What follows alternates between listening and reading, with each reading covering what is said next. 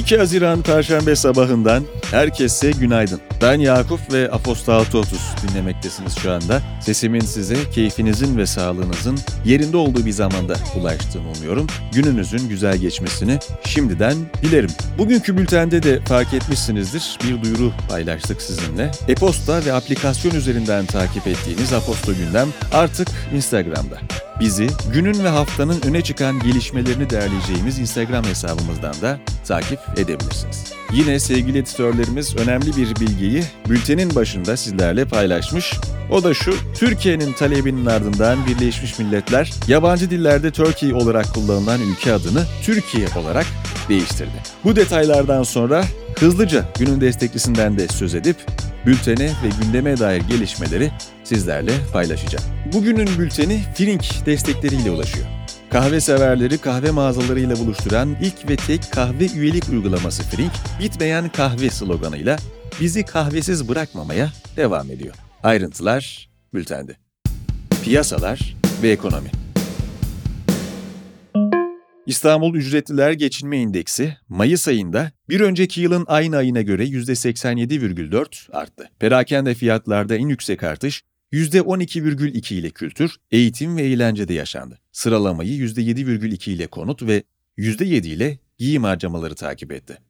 Cumhurbaşkanı Erdoğan, enflasyon kaynaklı refah düşüşüne yönelik tedbirleri sürdüreceklerini belirtti. Erdoğan, Vatandaşlarımızın sıkıntılarını biliyoruz. Ancak küresel dalgalanmaların etkisiyle benzer sıkıntıların tüm dünyada yaşandığını unutmamalıyız, dedi. İstanbul Sanayi Odası Türkiye İmalat Sanayi Satın Alma Endeksi Mayıs ayında yatay seyretti ve 49,2 düzeyinde gerçekleşti. Talepteki durağan seyir sonucunda hem üretim hem de yeni siparişler ivme kaybetti. Adalet Bakanı Bekir Bozdağ, fahiş fiyatları önlemek için miktar değil oran üzerinden bir belirlemenin esas alınacağı geçici bir düzenleme üzerinde çalıştıklarını açıkladı. Ayrıca kira ihtilaflarının ara bulucuya devredilerek çözülmesinin hedeflendiğini belirtti. TMO önümüzdeki 3 ay boyunca un sanayicilerine ucuz buğday temin etmeye devam edecek. Ankara'da dün gerçekleştirilen toplantıda 31 Mayıs itibariyle sona ereceği açıklanan un regülasyonunun devam etmesi yönünde karar alındı. Bloomberg HD tüketici güveni, Mart ve Nisan aylarındaki hafif yükselme eğilimine rağmen Mayıs ayında bir önceki aya göre %10,1 geriledi ve 49,06 değerini aldı. Geleceğe ilişkin beklentiler ve tüketim eğiliminde gerileme görüldü. Avrupa Merkez Bankası Yönetim Konseyi üyesi Robert Holzman, tüm zamanların en yüksek değerindeki enflasyon karşısında kararlı bir aksiyon alınmazsa tüketici fiyatlarının çapasız kalma riski taşıdığını söyledi. Holzman, 50 bas puanlık artışın enflasyonla mücadelede ciddiyeti göstereceğini ve avroyu da destekleyeceğini belirtti. İş Dünyası Rekabet Kurulu, yemek sepetine karşı açtığı soruşturmayı şirketin taahhütlerini kabul edip bağlayıcı hale getirerek sonlandırdı. Karara göre zorunlu minimum sepet tutarı ve zorunlu joker uygulamalarına son verilecek. Ayrıca vale fiyatlandırma politikası ilgili maliyet kalemlerini karşılayacak şekilde sürdürülecek. Gazprom'un doğal gaz ihracatı yılın ilk 5 ayında 2021'in aynı dönemine göre %27,6 geriledi. Şirketin doğal gaz üretimi ise bu dönemde %4,8 geriledi. Elon Musk, Tesla'nın yönetim kadrosuna gönderdiği uzaktan çalışma artık kabul edilemez konulu e-postada Uzaktan çalışmak isteyenlerin haftada en az 40 saat ofiste bulunmaları gerektiğini, aksi takdirde Tesla'dan ayrılmak zorunda olduğunu bildirdi. Deutsche Bank'in ESG yatırım fonlarına dair yanlış bilgiler sunarak greenwashing yaptığı iddiası üzerine başlatılan soruşturmada kanıtlar bulunduğu açıklandı. Greenwashing, halkı bir kuruluşun ürünlerinin, amaçlarının ve politikalarının çevre dostu olduğuna ikna etmek için kullanılan ve aldatıcı olduğu belirtilen bir pazarlama yöntemi. Amazon, ABD'de bu ay oylamaya sunulacağı öngörülen yasa tasarısını Google, Amazon ve Apple gibi iş modelleri farklı olan şirketleri hedef aldığını ancak Walmart ve Target gibi şirketlerin piyasa değeri sınırlaması nedeniyle yasadan aynı oranda etkilenmeyecekleri gerekçesiyle eleştirdi. HSBC 2021'de gelirlerinin yarısından fazlasını elde ettiği Çin'deki operasyonları için 2025'e kadar 448 milyon dolar yatırım yapmayı planladığını açıkladı. Meta, 9 Haziran Perşembeden itibaren geçerli olmak üzere hisse kodu olan FB'yi Meta olarak değiştiriyor. Şirket Nasdaq borsasında artık Meta olarak listelenecek. Politika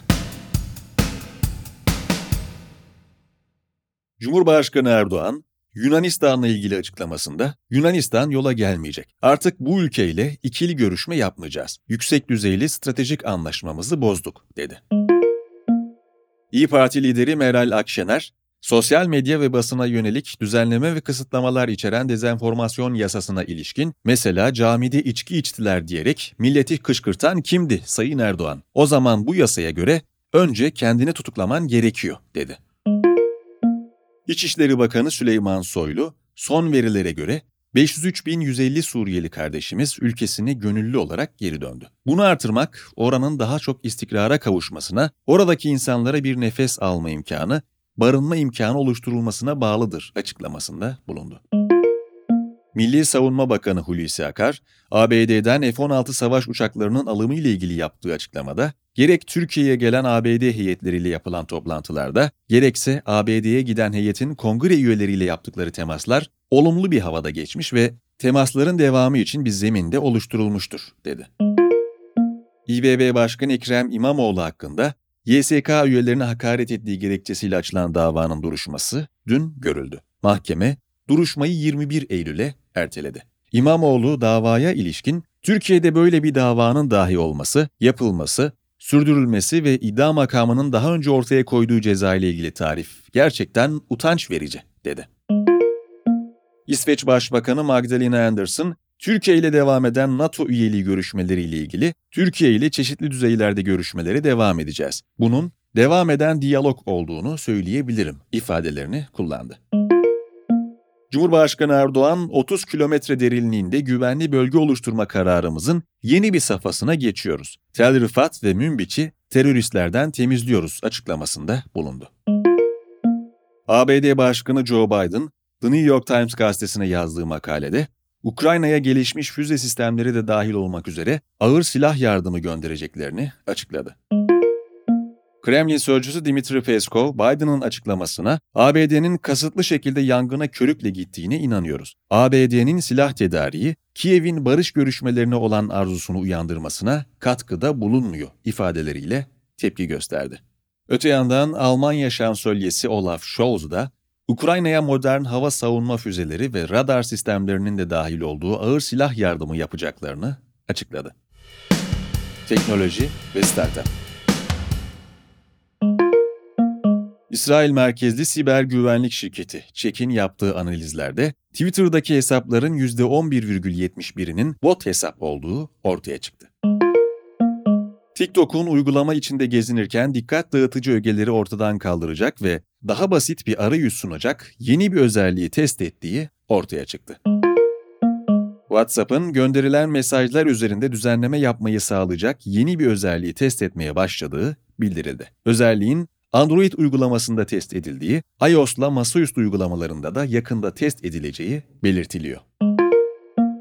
Kripto para borsası Binance'ın risk sermayesi kolu Binance Labs, blok zinciri ve Web3 alanlarındaki şirketler için 500 milyon dolar yatırım fonu topladığını duyurdu.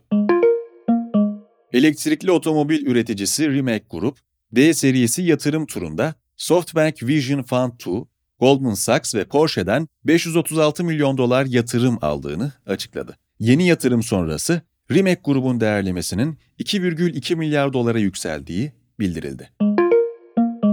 Bu haberle beraber bana ayrılan sürenin sonuna geldik. Günün Hikayesi kanalında Erdoğan'ın söylemleri neden sertleşiyor başlıklı bir yazının İlkim Emirler tarafından sizlerle buluşturulduğunu, İlkim'in bu güzel yazıyı sizinle paylaştığını hatırlatmak isterim. Hatırlarsınız dün Cumhurbaşkanı Erdoğan partisinin grup toplantısında Gezi Parkı eylemlerine ilişkin kimi ifadeler kullanmıştı. Yer yer sertleşen hatta hakarete varan şeyler söylemişti. Bu konuyla ilgili yazıyı ilkim sizlerle paylaşıyor. Bazı analiz ve gözlemleri ilişkin detaylar da bu yazıda mevcut.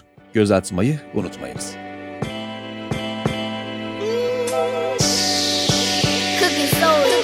Bu hafta cumartesi günü tekrar mikrofonda ben olacağım. O vakte kadar kendinize iyi bakın. Hoşça kalın. Görüşmek üzere.